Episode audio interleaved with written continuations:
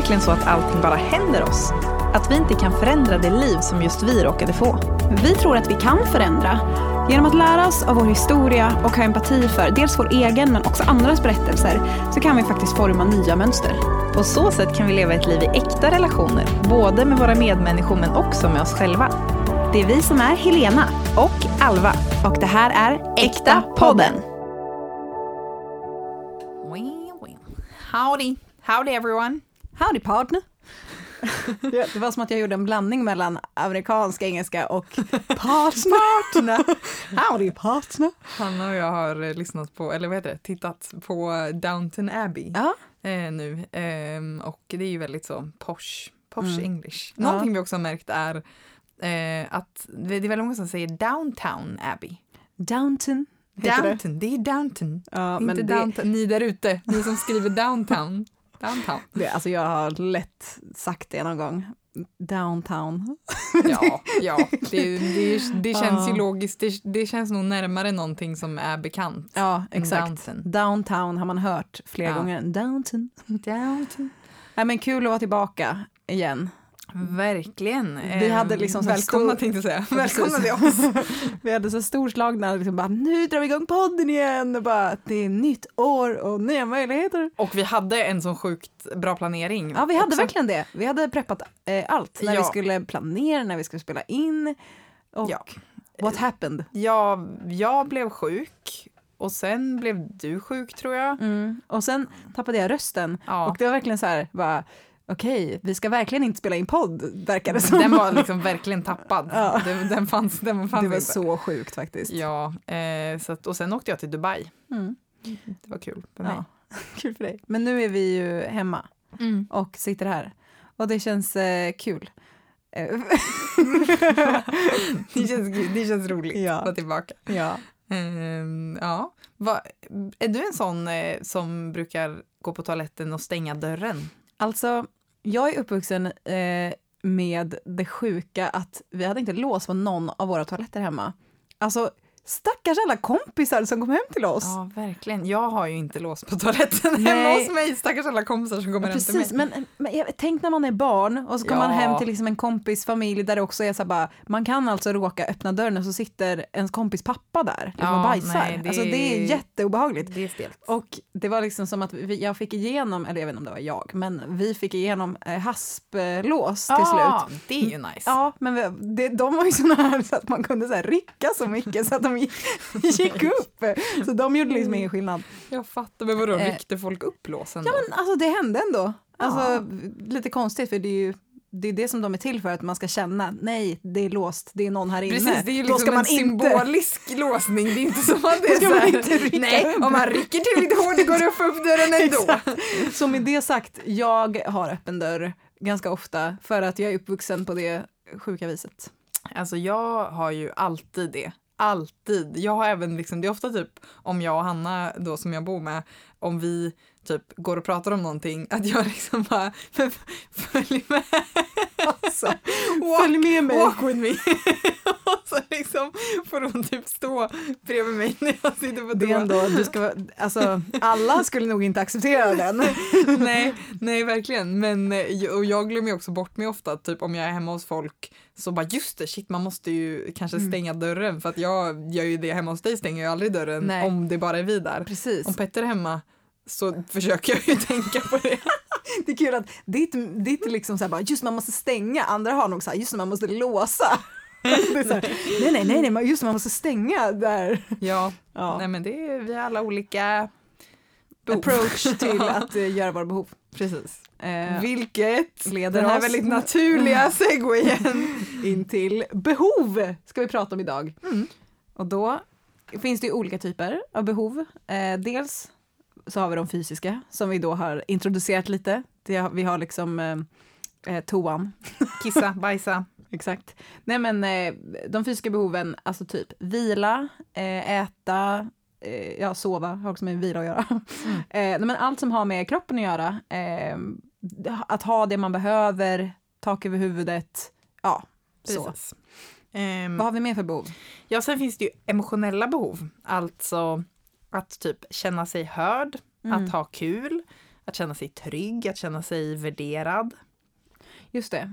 Och jag tänker när man hör de här så det är väldigt lätt att tänka liksom, ja men barn har ju såna här behov och det är liksom lätt att förstå, alltså, ja men verkligen nu, alltså vi fick ju barn då för ett år sedan och då är det inte, då tänker man ju inte direkt bara, vad konstigt det är att Levi har alla de här behoven, utan det är ju jätte, liksom rimligt att ja men barn har ju, eh, har ju verkligen behov och behöver få dem mötta. Ja, man skulle inte ifrågasätta det. Nej, precis. Ehm, men grejen är att vi som vuxna, vi har ju också behov. Och Mm. det är någonting som man kanske ofta glömmer bort. Eller man tänker inte på att vi har de här emotionella och fysiska behoven.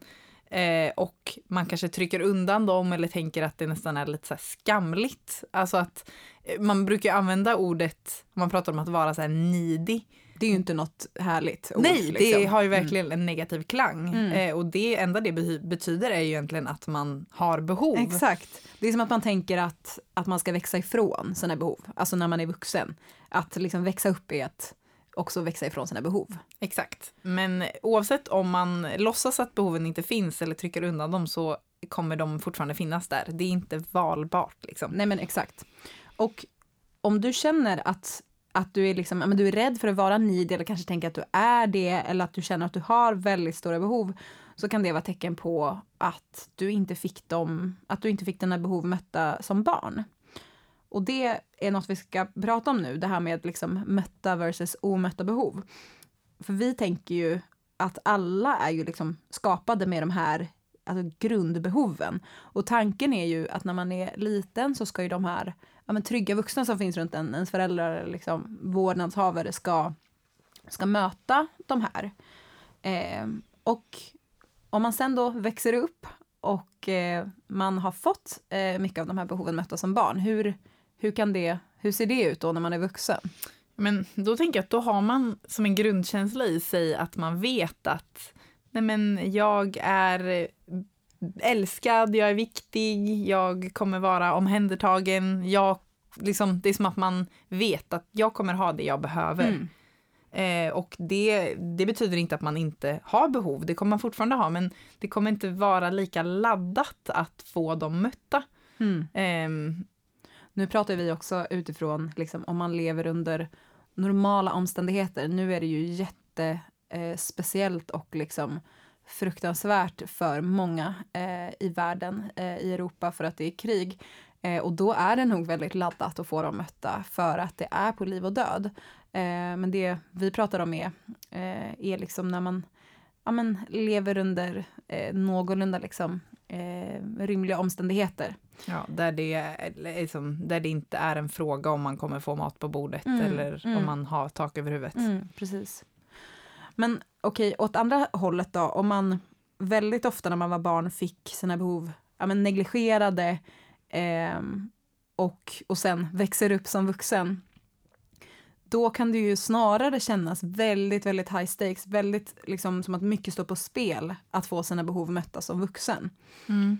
Hur, menar du, hur menar du då? Kan jag höra något Ja, exempel? men, ehm, ja, men jag, när jag var liten så jobbade mina föräldrar väldigt mycket. Ehm, och det var alltså från att jag var väldigt, väldigt liten så blev jag liksom eh, ja, men, bortlämnad mycket till, eh, ja, men, till andra personer och, eh, eh, och så. Och det där, eh, jag tror att mitt behov av liksom, trygghet och stabilitet, eller liksom kontinuitet, inte blev fullt ut eh, mött alltid då. Eh, och därför kan jag känna idag att det blir så otroligt laddat med liksom, separationer och avslut. Eh, även, om, alltså, även om det, det kan vara att jag ska vara borta från min man alltså, i ett dygn. Typ. Alltså, det behöver inte ens vara en stor grej, men jag kan få väldigt liksom, eh, stark rädsla för att bli lämnad otrygg. Liksom. Mm. Och, och det här behöver ju inte vara att du ha- hade hemska föräldrar eller Nej. att du levde under väldigt extrema förhållanden. För vi vet mycket väl att de flesta föräldrar gör så gott de kan och vi har väldigt mycket empati för alla föräldrar som kämpar. Ja, och alltså verkligen. Det är ju, de flesta vill ju göra ett bra jobb som förälder. Eh, så det är ju oftast inte med mening som man negligerar sina barns behov. Men det är ju också det att föräldrar, alltså eftersom föräldrar inte är perfekta så så, så är ju risken ganska stor att man som barn kommer ha behov som inte är mötta. Eller som ibland inte blir mötta. Liksom. Ja, men till exempel så kanske du växte upp med en ensamstående förälder som verkligen slet och gjorde allt för att det skulle gå ihop och såg till att ni alltid hade att äta, men det kanske ändå fanns som en underliggande stress som du liksom kände på dig som fanns där att eh, det kanske... som, att, som att det liksom fördes över på dig fastän det inte kanske sades rakt ut. Liksom. Exakt, liksom. som att bara okej, okay, det kanske ändå inte kommer bli så idag, eller det kanske ändå är liksom väldigt knapert. Mm. Och det kan ha lett till att du idag har en rädsla över att inte ha nog. Du kanske har ett jättestort sparkonto, du bunkar upp, bunkrar upp i skafferiet med mat, mm. eh, fast du egentligen har en bra inkomst eller en god ekonomi, men att den där känslan sitter kvar. Exakt. Och alltså när, eh, när jag känner sådana här saker, alltså det är väldigt lätt att döma sig själv och tänka bara, alltså det är inte logiskt liksom att du är så här rädd. Ja men i det här eh, exemplet då, liksom att du, eh, det är inte logiskt att du eh, liksom eh, är rädd för att du inte ska ha nog för att du har allt du behöver, du har en bra lön liksom.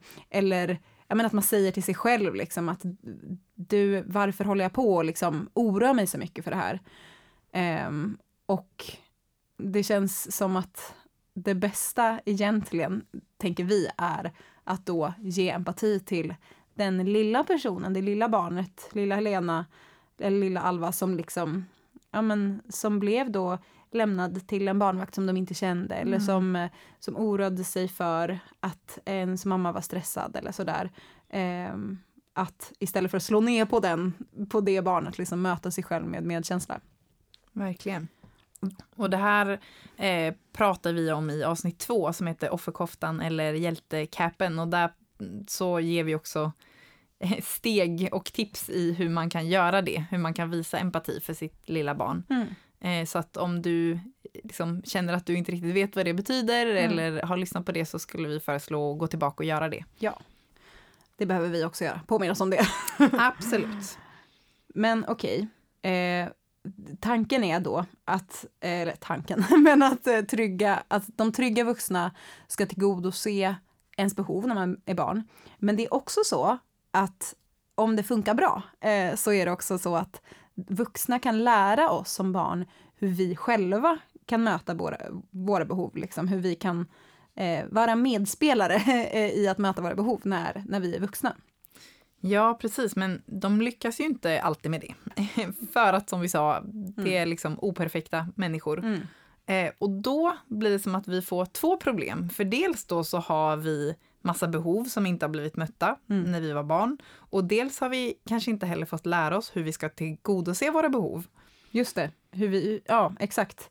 Men det som vi tror är ju att man faktiskt kan som vuxen ta hand om och faktiskt ansvara för sina egna behov. Ja, och vad menar, vad menar vi med det då? Vad menar vi med att ansvara för våra behov? Det mm. låter väldigt fint och stort. Ja, precis. Eh, jo, men att ansvara för sina egna behov, det handlar om att vi kan inte förvänta oss av andra människor, inte ens våra närmaste, inte ens ens eh, eh man eller fru eller bästa vän. Vi kan inte förvänta oss att de ska kunna förutse våra behov och ha kapaciteten att liksom alltid fylla dem. Eh, hur gärna vi än skulle vilja att det var så. Exakt, och vi menar ju inte att det betyder att du ska kunna möta alla dina behov helt själv, att du är någon slags ö och aldrig ska behöva andra människor. Men vi menar att du är ansvarig för att känna igen dina behov och att kommunicera det med andra. Och alltså, det känns ju så här på ett sätt tråkigt. Bara, aha, då ska man så kommunicera allt man behöver som att det är liksom lite oromantiskt eller men, att behöva säga vad man behöver. Att det är som att eh, men, folk, om folk kände mig så skulle de förstå. De skulle förstå att jag behövde det här. Ja, men till exempel, liksom, man har haft en kassdag, man är supertrött och så kommer ens rundkompis eller partner hem och man känner bara, alltså det hade varit så nice om den personen liksom bara ja, men typ gick och köpte choklad eller så tömde diskmaskinen. Alltså det hade verkligen liksom varit härligt för mig. Och istället för att då liksom eh, uttrycka det så kanske man liksom blir sur för att den inte fattar det intuitivt. Om du verkligen kände mig, då skulle du förstå precis vad jag behövde Ja. i den här stunden. Du ser väl på mig att jag har haft det kast? Jag behöver choklad! Exakt. Det bara skriker om choklad om mig. Nej men och det, det här att, att liksom eh, jag förstår den här tanken, verkligen. Alltså det hade varit så skönt om folk eh, bara såg på mig, vad jag Mm. behövde. Eh, men det är ett ganska högt ställt krav för att jag vet ju oftast inte vad jag behöver själv. Alltså, så det, det är orimligt att tänka att Alva ska fatta det, bara eh, blotta åsynen av mig. Eh, så att ta ansvar för sina behov blir ju faktiskt då att kommunicera sina behov. Precis. Ehm, och allting kokar ju någonstans ner till att känna sig själv och veta vad man behöver. det. Eh, för det är ju första steget för att kunna kommunicera. Ja. Eh, och det pratar vi om i första avsnittet som handlar om självkännedom. Vi gör mycket reklam nu för tidigare avsnitt. Exakt. Men det är för att allting hänger ihop Ja. när man pratar om de här grejerna. Men Men- självkännedom, att liksom veta vad som pågår inom en själv. Exakt, och det kan ju vara, alltså det kan vara ganska enkelt. Typ, du är ingen kvällsmänniska. Du har en kompis som du gärna vill träffa, men hon eller han vill alltid ses sent. Och ett sätt då är att bara föreslå, skulle vi kunna ses inte klockan tio på kvällen för att jag behöver sova? Mm, exakt. Och du, eh, du och Hanna, eh, din rumskompis då, har ju en, eh, jag vet inte om det är en pågående eh, liksom, konflikt eller om det mer har varit någonting. Nej, men det, det här var Eller det nog kanske inte var en bara, konflikt. Nej, men det var nog bara någonting som kom upp en gång. Kul, som att Okej. det, det är kul, alltid Hanna som får vara med i, i mina exempel. Hej Hanna. Eh, ja, verkligen. Han är också vår mest trogna lyssnare. Mm. We love you. Eh, ja. men eh, vi... Eh, nej men, ja, för jag vaknar oftast tidigare än henne och då vid något tillfälle så sa hon bara ehm, jag vaknar när du inte stänger toadörren på tal om att jag aldrig stänger toadörren och typ står mig i ordning och borstar Mm. tänderna och, och så där inne och tvättar mig och, eh, och, och då så sa hon på ett väldigt så här lugnt och bara mjukt sätt att bara skulle du bara kunna tänka på att stänga dörren på morgonen Mm. när, när du gör dig i ordning. Och det här, alltså, av- nu kommunicerade ju hon det, men om man inte skulle göra det så är det så sjukt lätt att bli, att bli bitter. Alltså eh, att man liksom sitter och bara håller liksom, eh, man sitter och liksom, eh, vad heter det?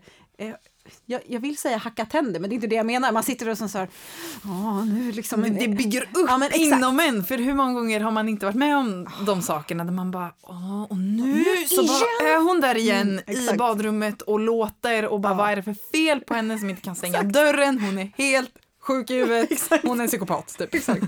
Förmodligen. Istället för att då kunna säga bara, hade det varit eh, okej om du kunde tänka lite på att stänga dörren? Alltså, Ja. det kan verkligen bli eh, mycket härligare och rimligare eh, om man kommunicerar liksom. Verkligen.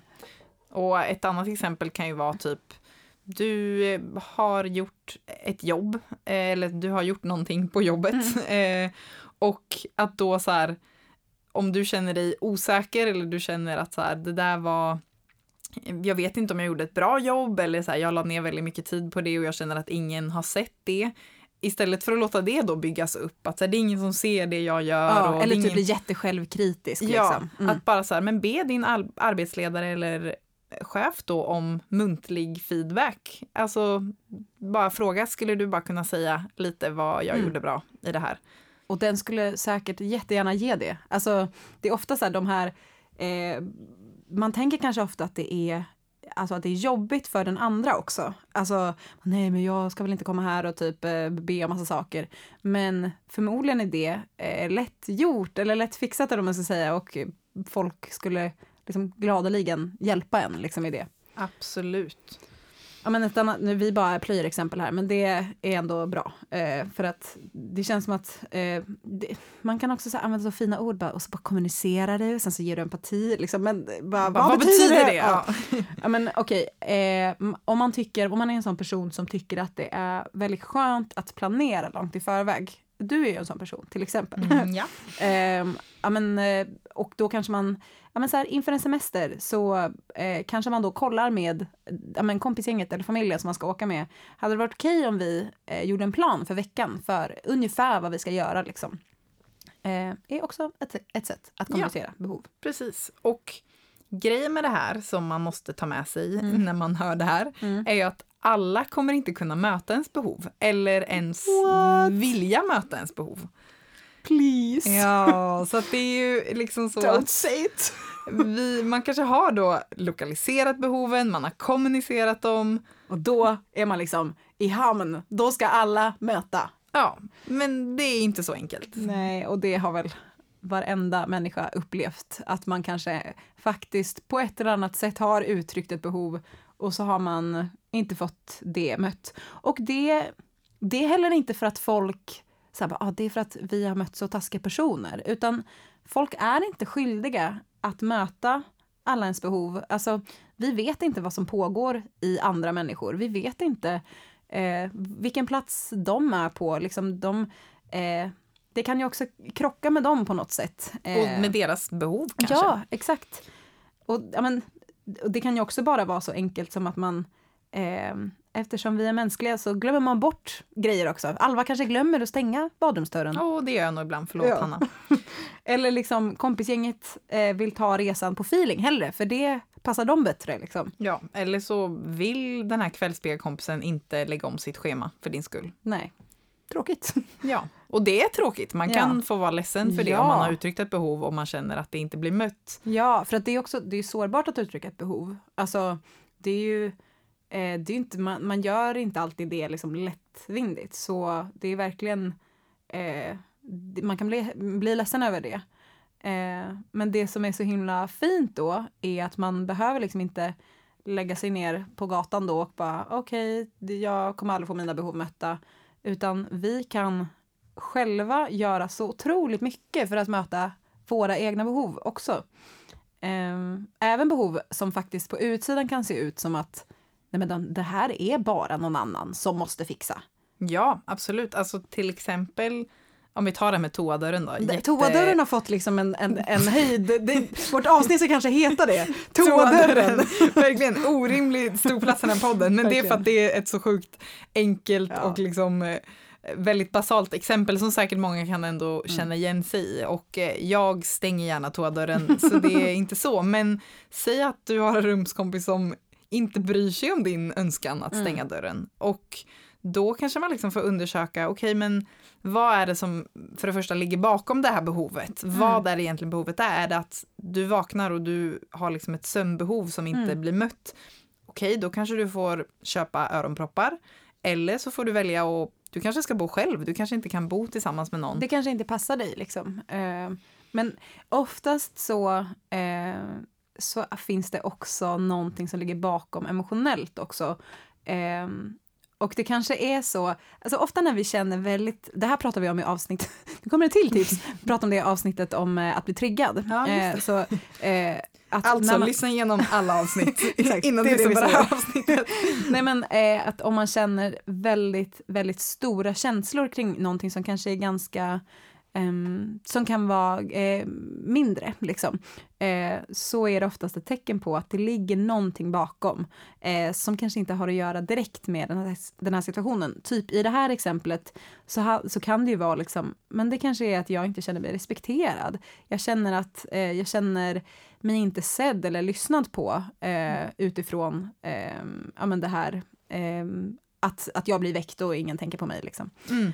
Eh, och då, grejen man kan göra då för att möta sig själv är ju att ge empati för det. Att liksom, ja, fy vad jobbigt, eh, eller liksom ledsamt att du känner dig, att du inte känner dig lyssnad på.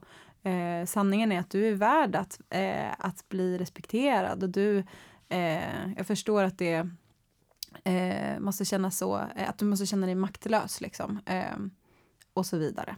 Ja, jättebra. Mm. Och nu har vi ju då tagit ganska lättsamma exempel på ett sätt, typ toadörrsexemplet. Ehm, men det liksom kan ju vara så att vissa emotionella behov kan kännas mycket mer sårbara att kommunicera. Ja, precis. Det kan ju till och med vara så att det finns behov som är väldigt svåra att kommunicera för att det inte finns någon tydlig person som man ens ska här, kommunicera dem till. Nej men precis. Och här så ska vi prata om en sak som vi kallar för eh, det är inte vi som har hittat på det här, eh, men eh, på svenska kallar vi det för mamma hink och pappa hink. Ehm, Och vi kände ju båda när vi fick liksom lära oss om det här att det var väldigt revolutionerande. ja, Bara, vilken otroligt bra grej. Det så därför så väldigt- kommer vi dela med oss. ja, det var väldigt befriande eh, för att det gav en mer möjligheter att kunna både med hjälp av andra men också med en själv kunna möta emotionella behov. Ja, för det är ju verkligen så att allting som, som ger tillbaka en självmakt Ja. är ju oftast väldigt befriande. Mm. För att man inser att jag behöver inte vara liksom ett offer utan jag kan själv ta steg. Mm, exakt. Okej, men vad är det då? Jo, men eh, låt säga att du kanske inte hade så bra relation med din mamma. Eh, Eller att du av andra anledningar inte liksom fick behov mött av ja, din mamma. Ja, men exakt, verkligen. Eh, helt enkelt, du har eh, mammabehov eh, nu när du är vuxen. Eh, och vad kan mammabehov vara för någonting? Men det kan ju vara typ du vill ringa någon när du är ledsen eller bara ringa någon när någonting händer och Ja. typ få medkänsla från den personen eller fråga om råd eller bolla problem. Eller typ bara få vara liten med någon och vara i en relation där du inte behöver ge. Ja, precis. Eller i ögonblick där du inte behöver ge. Liksom. Ja, precis. Ja. Och alltså, det är väldigt lätt att man, när man tänker på de här sakerna, så kanske man längtar efter att liksom en person ska ge det här. Alltså att man ska hitta den här ja, men perfekta mammafiguren, eller vad man ska säga. Verkligen. Jag har ju ingen mamma och jag tänkte så länge att så här, det som kommer vara lösningen på alla mina problem är om jag hittar den här specifika personen som kan typ vara en mammaperson och Men, exakt. då möta det. Vilket är väldigt rimligt att man tänker så. Ja, verkligen. Och det, eh, men verkligen för att vi längtar ju efter den här mammakärleken. Ja. Det är det vi längtar efter. Eh, men det som vi tyckte då var revolutionerande var att vi liksom, att man kan få de här behoven mötta av flera olika personer. Alltså, eh, man kan liksom bli, det här på engelska heter det att man kan bli mothered, eh, mammad. Finns typ ingen, ja jag vet inte. men kanske, vi kanske bara ska claima det. Mammad. Eh, man, kan, ja, men man kan bli mothered liksom genom att någon tar hand om en som en mamma tar hand om en. Och det kan vara av vem som helst. Eh, ja, men, och det handlar också om, eh, det här är liksom en ganska viktig grej, men det handlar också om hur man, hur man öppnar sig för det och tar Mm. emot det. Alltså att, att jag väljer att ta emot det här ögonblicket som att någon tar hand om mig med eh, mammakärlek. Typ. Och då kanske man behöver vara lite sårbar i den stunden eller våga så vara okej men nu är jag liten i den här stunden. Nu väljer jag att bara ta emot Ja. och inte ge någonting i den här stunden. Exakt, exakt. Eller jag väljer att så här, när du ger mig det här rådet så kommer jag ta emot det som att du är större än mig och har mer erfarenhet Ja. än mig kanske. Exakt. Och även om, alltså det kan ju vara någon som är yngre än en. Det kan vara en vän. Eh, det, det kan ju till och med vara en främling. Ja, alltså jag känner, sen jag typ började så lära mig att tänka på det här sättet så känns det som att jag känner mig mothered och fathered av alla hela tiden. Det är ju Att man jättebra, bara, det är "Åh, typ, det tar jag jättefint." emot, det tar jag emot och bara du vill älska mig. Det bara känns som att alla vill älska mig. Alla vill bara, bara ta hand om mig. Men det är för att du har öppnat upp dig för det också. Ja, verkligen. Alltså, eh, får jag berätta ett exempel om en eh, främling eh, där jag eh, tog emot liksom ett sånt. Ja, kör. Jag var, eh, jag satt på pendeltåget en gång för kanske fem år sedan och jag var så, så, så ledsen. Alltså, eh, både du och jag är ganska gråtiga personer av oss. ja. eh, men, eh, och eh, vi gråter ibland på offentliga platser. Har hänt. Eh, har hänt. Och vid det här ögonblicket så, alltså, jag kunde verkligen inte inte hålla emot på något sätt. Alltså jag var verkligen så här storgrät på pendeltåget. Och jag var helt själv, men det var som att jag bara så här, jag struntade typ i vad någon skulle tycka för det var, jag var så liksom, ja men otroligt ledsen. Och då kom det fram en, en kvinna till mig, hon var kanske mm, ja, men 10 eller 15 år äldre än mig. Eh, och hon bara liksom typ gav mig en näsduk och var så här, finns det något jag kan göra? Typ. Eh, och jag var så här, har en huvudvärkstablett? För att så här, jag får så sjukt ont i huvudet när jag gråter så mycket.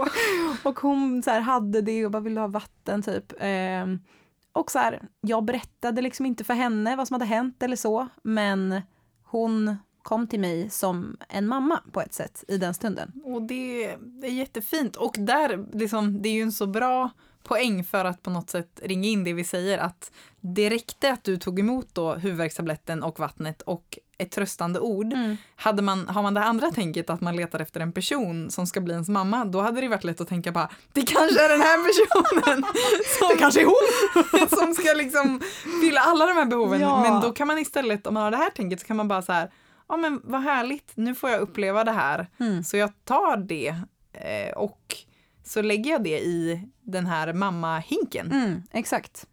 Och det, eh, det som vi pratar om är liksom att varje gång vi är med om något sånt här ögonblick så kan vi liksom lägga det i vår mammahink, så att säga. Eh, har du några fler exempel på eh, eh, Ehm. ögonblick som vi kan plocka i mammahinken? Eh, ja men jag, någonting som, det jag har känt mig tror jag väldigt så mothered och fathered kanske av just vänner. Om man pratar om att man kan känna det av liksom personer i olika åldrar och så. Jag har haft ganska mycket problem med liksom min hälsa, fysiska hälsa och haft under perioder väldigt mycket restriktioner när det kommer till mat.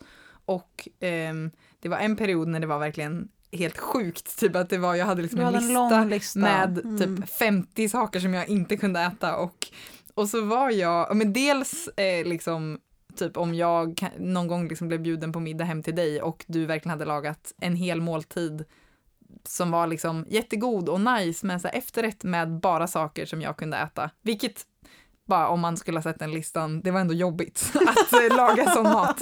Eh, eller typ någon gång när jag var hemma hos vår andra kompis och hon hade typ, eh, jag tror hon fyllde 30 eller någonting, och då hade liksom hennes man bara, nej men jag har den här listan på min telefon. Alltså då visade det sig liksom att typ hela vårt kompisgäng hade den här listan i sin Mm. telefon. Och då kände jag mig så sjukt älskad och så sjukt omhändertagen på ett sätt som så här, ja men som man känner av en förälder, att Ja. någon annan så här har lite koll på en. Ja, verkligen. Och det som händer då eh, när man lägger de här liksom, eh, grejerna i mammahinken eh, är att vi, när vi har liksom ett läge eh, där vi känner att så här, "Åh, jag behöver verkligen mammakärlek nu.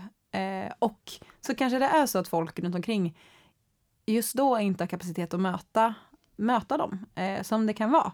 Då kan vi liksom plocka ur vår inre hink, eh, som att det vore ett liksom, kapital, ett mammakapital. Mm. Eller ett pappakapital. precis. För vi tänker Det- att det är precis samma sak med en pappahink. Precis.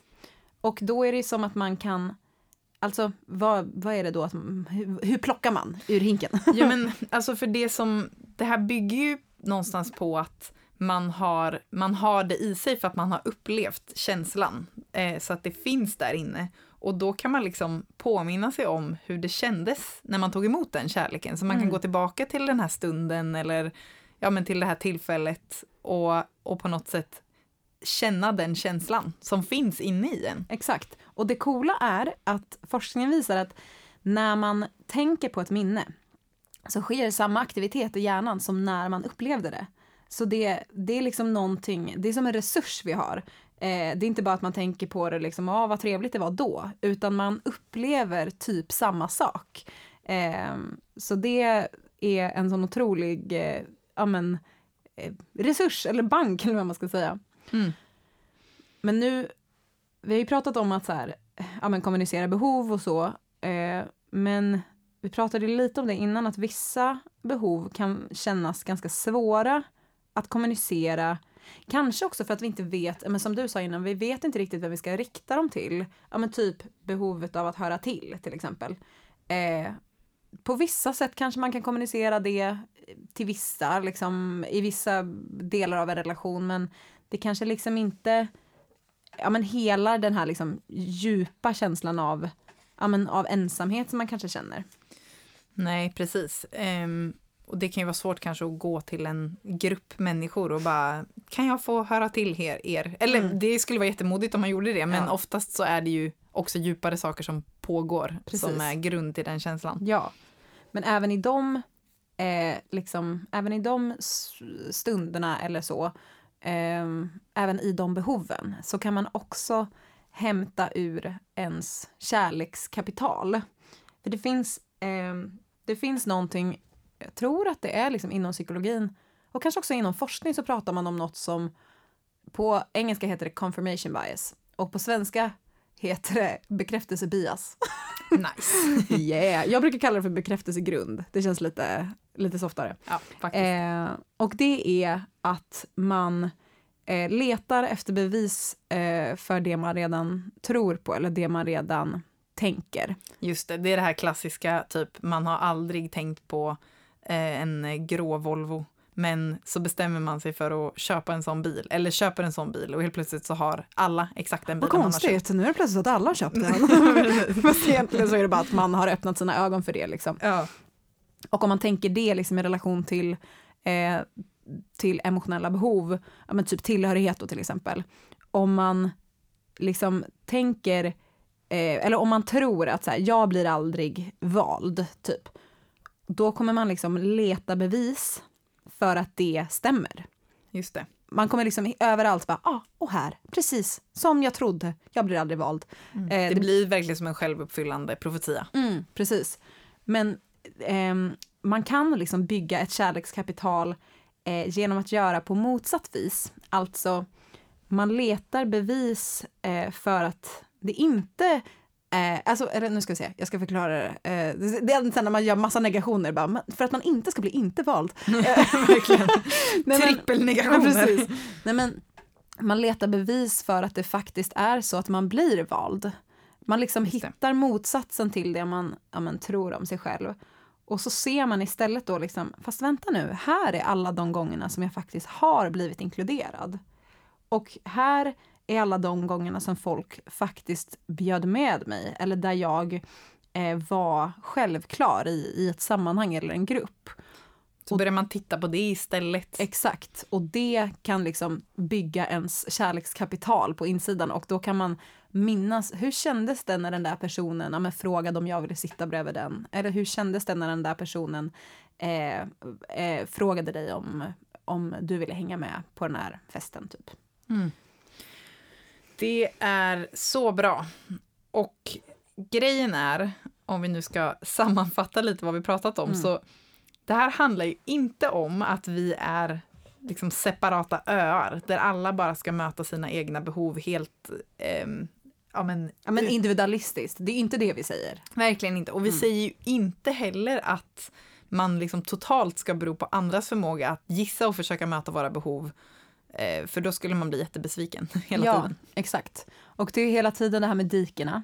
Att liksom fundera över vilket dike du är i. Eh, liksom, jag kanske är sådär, nej jag behöver aldrig någon. Liksom, jag, och då kanske du ska öva på att, men då kanske jag ska faktiskt ehm, börja kommunicera lite behov liksom, och, och se om det faktiskt är någon som vill möta dem. Eh, och om du eh, snarare alltid är liksom i att så här, eh, ja, men att du önskar att alla andra ska bara fatta dina behov, då kanske du ska tänka, okej men ehm, jag kanske ska lokalisera mina behov och även där kommunicera, fast utifrån en plats att, eh, att ta liksom, ägandeskap Mm. snarare istället. Verkligen. Det är ju liksom hela tiden ett givande och ett tagande i nära relationer. Mm. Eh, och det är fantastiskt att vi kan möta varandras behov. Alltså det är ju en väldigt det är en väldigt fin sak i en relation och oftast så tror jag att de flesta, om de har möjlighet och liksom kapacitet just då, vill möta dina behov. Ja, Eh, för att, eller jag tycker det är jättehärligt när jag får göra saker som jag vet att du känner dig älskad av Ja. eller att liksom, jag får hjälpa dig om Mm. jag kan. Mm, exakt. Men det är ju liksom, i relationer är det ju alltid eh, att kompromissa, att möta varandra halvvägs liksom. Eh, men att just kunna vara med och själv tillgodose sina behov, det är verkligen en, en game changer. Ja. Ja. Och eh, du är en människa med behov. Om du inte visste det så vet du det nu, Ja. så är det. Och andra människor har också behov.